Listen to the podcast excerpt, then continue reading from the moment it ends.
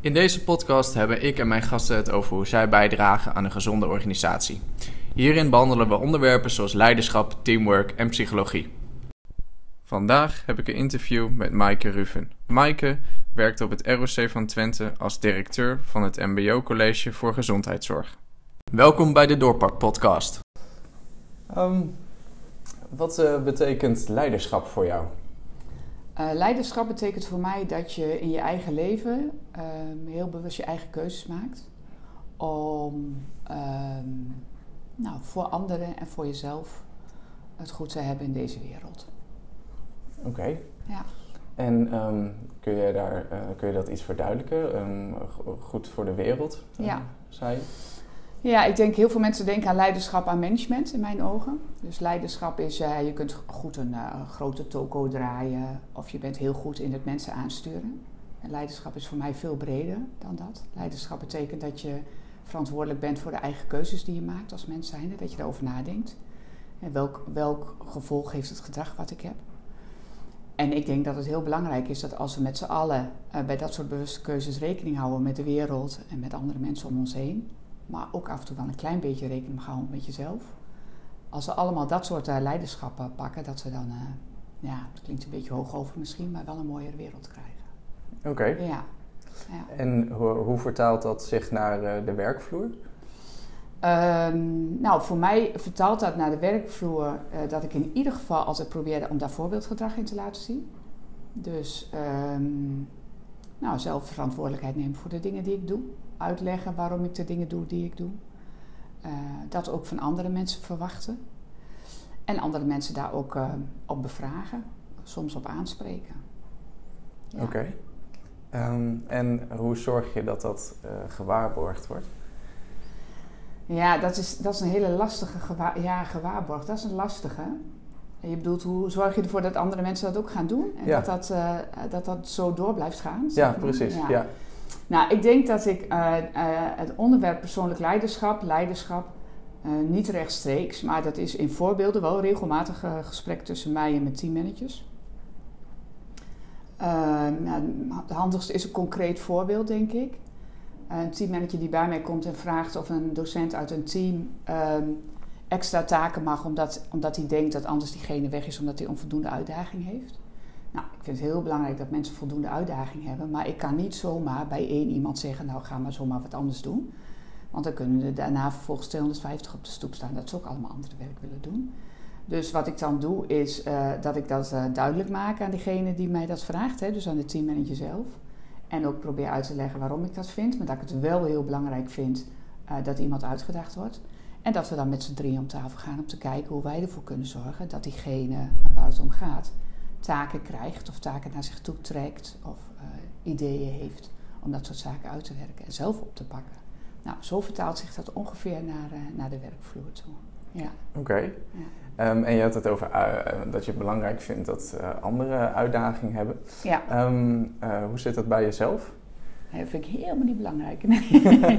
nee, dat vind ik zelf belangrijk. Ik vind het zelf belangrijk om elke keer opnieuw een uitdaging te hebben. En dat hoeft helemaal niet groot te zijn. Hè? Dat hoeft niet te zijn dat ik uh, uh, meer mensen aan moet sturen. Of, maar dat kan ook in hele kleine dingen zitten als een, uh, een bepaald project handen en voeten geven. Of nou ja, misschien wel ja, hele kleine dingen kan het zijn. Een, een, een, uitdaging kan zijn dat een docent die het heel moeilijk heeft en zich niet um, lekker voelt in zijn werk samen met de teammanager kijken hoe kunnen we ervoor zorgen dat die docent op de goede plek komt. Nou, dat kunnen ook al uitdagingen zijn. Maar ik denk wel dat het belangrijk is dat je in je werk altijd iets hebt waarvan je denkt, nou dat is eigenlijk net iets te moeilijk. Daar moet ik even extra iets aan doen. Ik denk wel dat dat voor heel, mensen, heel veel mensen belangrijk is. Het is wel belangrijk dat wij situaties creëren waarin mensen uitgedaagd worden. Ja. Oké. Okay. Ja. En um, wat, um, wat voor gevoel geeft dat jou als je een uitdaging aangaat? Als ik zelf een uitdaging aanga? Ja. Um, nou, dat, Um, soms geeft dat een gevoel van, nou vooral als het een uitdaging is die, uh, die onverwachts op een pad komt, kan het ook wel een gevoel van machteloosheid geven of een gevoel van hmm, uh, onzekerheid. Um, en vaak moet ik er dan eerst heel goed over nadenken, met andere mensen over praten, ook vooral. Dat is voor mij heel belangrijk. Hoe kijken die er tegenaan? ook vooral mensen van buitenaf, die niet in het werk zitten, maar van buitenaf. En dan probeer ik me met alles wat ik bij elkaar heb, probeer ik zo'n uitdaging aan te gaan. Ja, en als het dan lukt, dan geeft dat altijd wel een gevoel van uh, euforie. En als het mislukt, dan probeer ik altijd wel te denken van... Hmm, wat ging hier mis? Wat had ik anders kunnen doen? En wat zou ik de volgende keer dan doen? En soms baal ik er dan ook gewoon van dat het mislukt is. Ja, ja. ja. ja. ja. Dat, uh, ja, dat kan me ook wel in vinden. Ja. Um, en waar krijg jij um, in je rol als uh, nou, leidinggevende, waar krijg je het meeste energie van? Um, ik krijg het meeste energie als, als ik een bepaalde ideeën, idealen, visie heb, vaak gevormd samen met mensen van mij. En als ze dat dan, dat dan uit gaan proberen, een bepaald project uitproberen. En het heeft uiteindelijk het effect wat we verwachten. Dan krijg ik de meeste energie. En um, ja, dat, daar word ik echt heel blij van. Ik word heel blij als dat, dat soort dingen lukken. Waar ik ook energie van krijg is als ik merk, wat ik net zei, dat mensen bijvoorbeeld de uitdagingen in hun werk missen of dat ze niet zo lekker in hun vel zitten. En we proberen daar iets, uh, we proberen daar iets mee te doen, we proberen dat op te pakken. Dat je dan drie maanden later ziet dat mensen wel op de goede plek zitten en wel de juiste dingen doen. Dat zijn, dat zijn zaken waar ik energie van krijg. Ja. Oké. Ja. En, je had het over um, je visie. Wat is jouw persoonlijke visie? Um, op leiderschap of op onderwijs? Nou, onderwijs, daar zijn we nog niet uitgepraat. Dus, Oké. Okay. uh, nee, op leiderschap. Op leiderschap? Ja. ja. ja, nou misschien als ik er zo over nadenk, raakt hij ook wel heel erg aan mijn visie op onderwijs. Ik denk dat, um, of dat denk ik niet, ik weet zeker dat de gemiddelde mens niet bestaat. Iedereen is anders. En uh, wat je heel vaak ziet, zowel in onderwijs als in organisaties, is dat wij de zaken regelen voor de gemiddelde mens. En als je dan realiseert dat de gemiddelde mens niet bestaat en we regelen het voor de gemiddelde mens, dan regelen we het eigenlijk voor niemand. Dus volgens mij is de uitdaging, zeker op dit moment in de maatschappij, om elke keer aan te sluiten bij datgene wat degene tegenover jou, ja, of in het geval van onze docenten, die groep mensen tegenover die docent, dat je op zoek probeert te gaan naar wat heeft die ander nodig om een volgende stap te kunnen zetten. En dat is denk ik in leiderschap ook. Ehm, dus zowel bij mijn teammanagers als de teammanagers naar mijn docenten toe. Hoe zit diegene uh, erbij tegenover je? Wat heeft hij nodig voor die volgende stap? En hoe kun je daar aan bijdragen? En als je dan teruggaat naar jouw eerste vraag, wat is leiderschap? Dan zit dat wat mij betreft niet alleen in mijn werk, maar dan is dat ook privé. Als er iemand bij me komt die zegt, Mike, help me verder dan gaan we eerst eens kijken van wat is nou precies aan de hand en hoe kan ik jou dan ondersteunen, zodat jij de volgende stap kan zetten. Maar je moet het wel zelf doen. We gaan niet, uh, we gaan niet uh, pappen en nat houden. Je moet zelf stappen zetten en je moet zelf de dingen doen die je moet doen. Dat is denk ik uh, ja, een beetje de visie op leiderschap. Oké, ja. ja. Dus um, inderdaad het niet voor iemand doen, maar wel um, wellicht de omgeving zo um, inrichten. Ja. En, en handvaten bieden. Ja, ja precies. Ja, ja. Vroeger deed ik dat niet hoor. Vroeger ging ik meteen helpen en redden, zeg maar. Oh, dan doe ik dit wel even voor je, doe ik dat wel even voor je.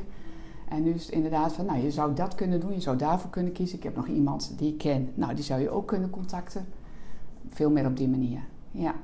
En je zei vroeger, vroeger deed je dat wel. Wat voor resultaten gaf dat? Nou, dat ik, dat ik vooral heel druk was, zeg maar. En als het niet lukte, dat ik daar enorm van baalde. En dat die ander uh, soms ook wel dacht, oh, dat is wel lekker makkelijk. Michael lost het op en ik heb het voor elkaar. Ja. Um, nou, dat, dat gaf vaak uh, zo'n resultaat, ja. Oké. Okay. Ja. ja. Um, en um, als we dan dus uh, gaan kijken naar de, de, ideale gezonde organisatie. Mm -hmm. waar moet een, een gezonde organisatie aan jou, voor, van jou aan voldoen? Ehm, nou, ik denk dat een gezonde organisatie in ieder geval de randvoorwaarden goed geregeld moet hebben. Dus als jij hier binnenkomt als medewerker, uh, dan moet er een stoel uh, klaarstaan, bij wijze van spreken. Dan moet er een laptop liggen. En dan moeten de zaken rondom je salaris geregeld zijn. Dus alle basisvoorwaarden moeten gewoon geregeld zijn. Dat vind ik echt super belangrijk. Uh, want dan begin je ergens in een organisatie te werken. Dan heb je, en dan voel je dat je welkom bent en dan is de basis geregeld. En verder moet die organisatie ervoor zorgen dat je je veilig voelt. dus een omgeving waarin uh, nou, niet gepest wordt, waarin uh, mensen elkaar durven te bevragen, waarin mensen elkaar durven te spreken, waarin ze elkaar vragen durven te stellen. Dat vind ik heel erg belangrijk. Um, ja, en dan wat ik net zei, als iemand zijn werk op een goede manier doet, is het fijn als je ook regelmatig hoort dat het goed gaat. En dat je dat ook merkt. En als jij net een stapje eh, meer wil of je wil een stapje anders, dat er dan mensen naast je staan die zeggen van nou, laten we samen eens gaan kijken wat de mogelijkheden zijn. Dat zou wat mij betreft een ideale organisatie zijn. Ja. Oké, Ja. ja. En ehm, eh, dan hoor ik je zeggen over, over veiligheid. Ja. Eh, en ehm, die, pesten. ehm, eh, en hoe, hoe vertaalt dat zich in de praktijk? Dus, Ja, veiligheid, veiligheid in organisaties, dat is, dat is echt een thema wat me de laatste tijd heel erg bezighoudt. Ook omdat mensen, hier, die mensen, mensen best wel snel hoort zeggen, eh, ik voel me niet veilig in de organisatie. Ik zeg dan altijd, hoezo? Ben je bang dat je ontslagen wordt? Want dat is volgens mij het meest onveilige wat er kan gebeuren. Vaak zit hem dat in hele kleine dingen. Dat zit hem in, eh, ben ik inmiddels achter. Dat zit hem in, durf ik tijdens een teamoverleg te zeggen wat ik vind. En dat kan aan de ander liggen, hè, omdat de ander daar niet goed aan- op reageert. Maar het kan ook aan jezelf liggen. Dat je het, dat je het spannend vindt om je eigen mening eh, eh, te geven. Ja, en hoe geef je dat handen en voeten? Ik denk door als leidinggevende, of misschien ook wel door collega's, ehm, eh, als je dingen ziet bij collega's, dat je dat ook bespreekbaar durft te maken. Val, het valt me op dat jij, als wij één op één praten, best wel hele mooie ideeën hebt, maar tijdens een teamoverleg hoor ik jou daar nooit over. Hoe komt dat? Ehm, nou, dat is bijvoorbeeld een voorbeeld waarop je dat bespreekbaar kunt maken. En dat is volgens mij de enige manier om zaken op te pakken. En als leidinggevende is dat heel lastig. Als er iemand bij je komt die zegt: Ik voel me gepest. Ja, om daar het gesprek over aan te gaan en de pesten erbij te halen en die twee daarover te laten praten. Ja, dat is op zich natuurlijk al een onveilige situatie die je creëert. Maar dat is denk ik wel de manier waarop je dit soort zaken moet aanpakken. Ja. Ja. Oké, Ja. en eh, hoe denk je ehm, aan, ehm, dat. eh, hoe, hoe, hoe, krijg, ehm, hoe krijg je dan toch voor elkaar zeg maar, om een veilige situatie te creëren? Waarin iedereen ehm, durft uit te spreken wat Ja. op, eh, op het hart ligt. Ja. ja, ik denk sowieso, ik, wat, daar blijf ik bij, wat heel belangrijk is, is voorbeeldgedrag van de leidinggevende. Als je een leidinggevende hebt eh, waarbij je denkt, eh, ze laat niet het achterste van de tong zien, of ze houdt dingen voor zich, of ze bespreekt niet, eh, hij of zij bespreekt niet wat er, wat er echt aan de hand is. Dat is niet de basis voor een veilige klimaat in een team. En daar hoort ook bij, jongens, ik weet het ook even niet. Of, ehm, nou, dit is, dit is gewoon iets waar ik nu nog niks over kan zeggen. Dat kan je soms beter uitspreken als dat het stutterend aanwezig blijft. Dus voorbeeldgedrag is denk ik heel belangrijk. Ja, en vervolgens bespreekbaar maken wat je ziet, of wat je voelt, of wat je denkt bij mensen. Ja, dat is gewoon het allerbelangrijkste. Leg het maar op tafel en dan kunnen mensen reageren. En als jij het op tafel legt en mensen zeggen, er is helemaal geen sprake van, ik word niet gepest of ik voel me volledig veilig. Ja, dan kun je daar niet zoveel anders mee als wachten tot diegene die dingen wel uitspreekt. Dus eh, ja, Mhm. ja. Oké.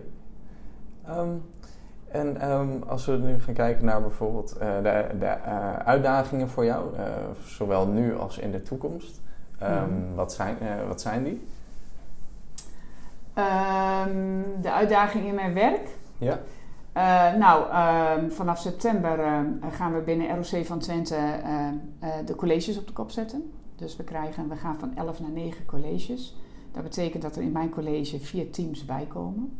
Er zitten er nu acht, dus dat is 50% erbij. Dat is een forse uitdaging. Dan krijg je eh, te maken met verschillende culturen. Je krijgt te maken met mensen die zich in de minderheid voelen, wellicht onveilig voelen. Ehm, eh, nou, je krijgt eh, verschillende werkwijzen die je moet gaan samenvoegen. Dus dat is echt een, ja, hoe zal ik het zeggen? Dat is echt een managementuitdaging, vind ik.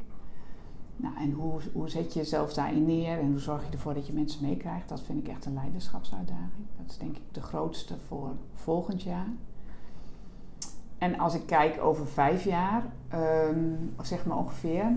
Nou, ik denk dat de grootste uitdaging de komende vijf jaar in het onderwijs wordt: hoe kunnen we de maatregelen die, ehm, of hoe kunnen we de, de, de plussen die we mee hebben gekregen de afgelopen anderhalf jaar van corona mee, meenemen in het nieuwe onderwijs? Hoe kunnen we ervoor zorgen dat we het onderwijs verbeteren? Ehm, dat is denk ik wel een van de grootste uitdagingen over vijf jaar eh, eh, in deze onderwijsorganisatie. Mhm. Ja. Oké. Ja. En heb je een idee hoe je dat eh, gaat aanpakken? Het is allemaal heel veel, maar ehm, Ehm, die laatste. ja. Ja, nou, eh, Ehm, wat ik merk is dat mensen in september heel graag... In september gaan we ervan uit dat we weer gewoon les gaan geven. Wat ik merk is dat mensen daar heel erg op zitten te wachten. En waar ik een beetje bang voor ben, is dat we dan meteen al het positieve wat we met corona mee hebben gemaakt, dat we dat meteen loslaten, omdat we zo blij zijn uh, dat we in het oude kunnen, dat we meteen vergeten dat het een nieuwe ook positief was. Dus um, ik hoop dat het voor de zomervakantie nog lukt om een aantal zaken vast te houden. Uh, dat is best lastig, want mensen zitten natuurlijk al tot hier, zeg maar. Dus het is best lastig, maar dat gaan we in ieder geval wel proberen. Om al een aantal uh, zaken gewoon niet meer te veranderen, maar op de nieuwe manier te doen. En ik denk dat we na de vakantie heel goed moeten gaan kijken wat waren nou de positieve zaken. Wat kunnen we, daar, uh, wat kunnen we daarvan behouden en hoe kunnen we dat verder uit, uitbouwen. en ik denk dat we dat gaan doen door vooral met docenten in gesprek te gaan over hoe zitten jullie daarin. En hoe kijken jullie daarna en hoe kunnen we dat samen handen voeten geven. Ja. ja. Oké. Okay.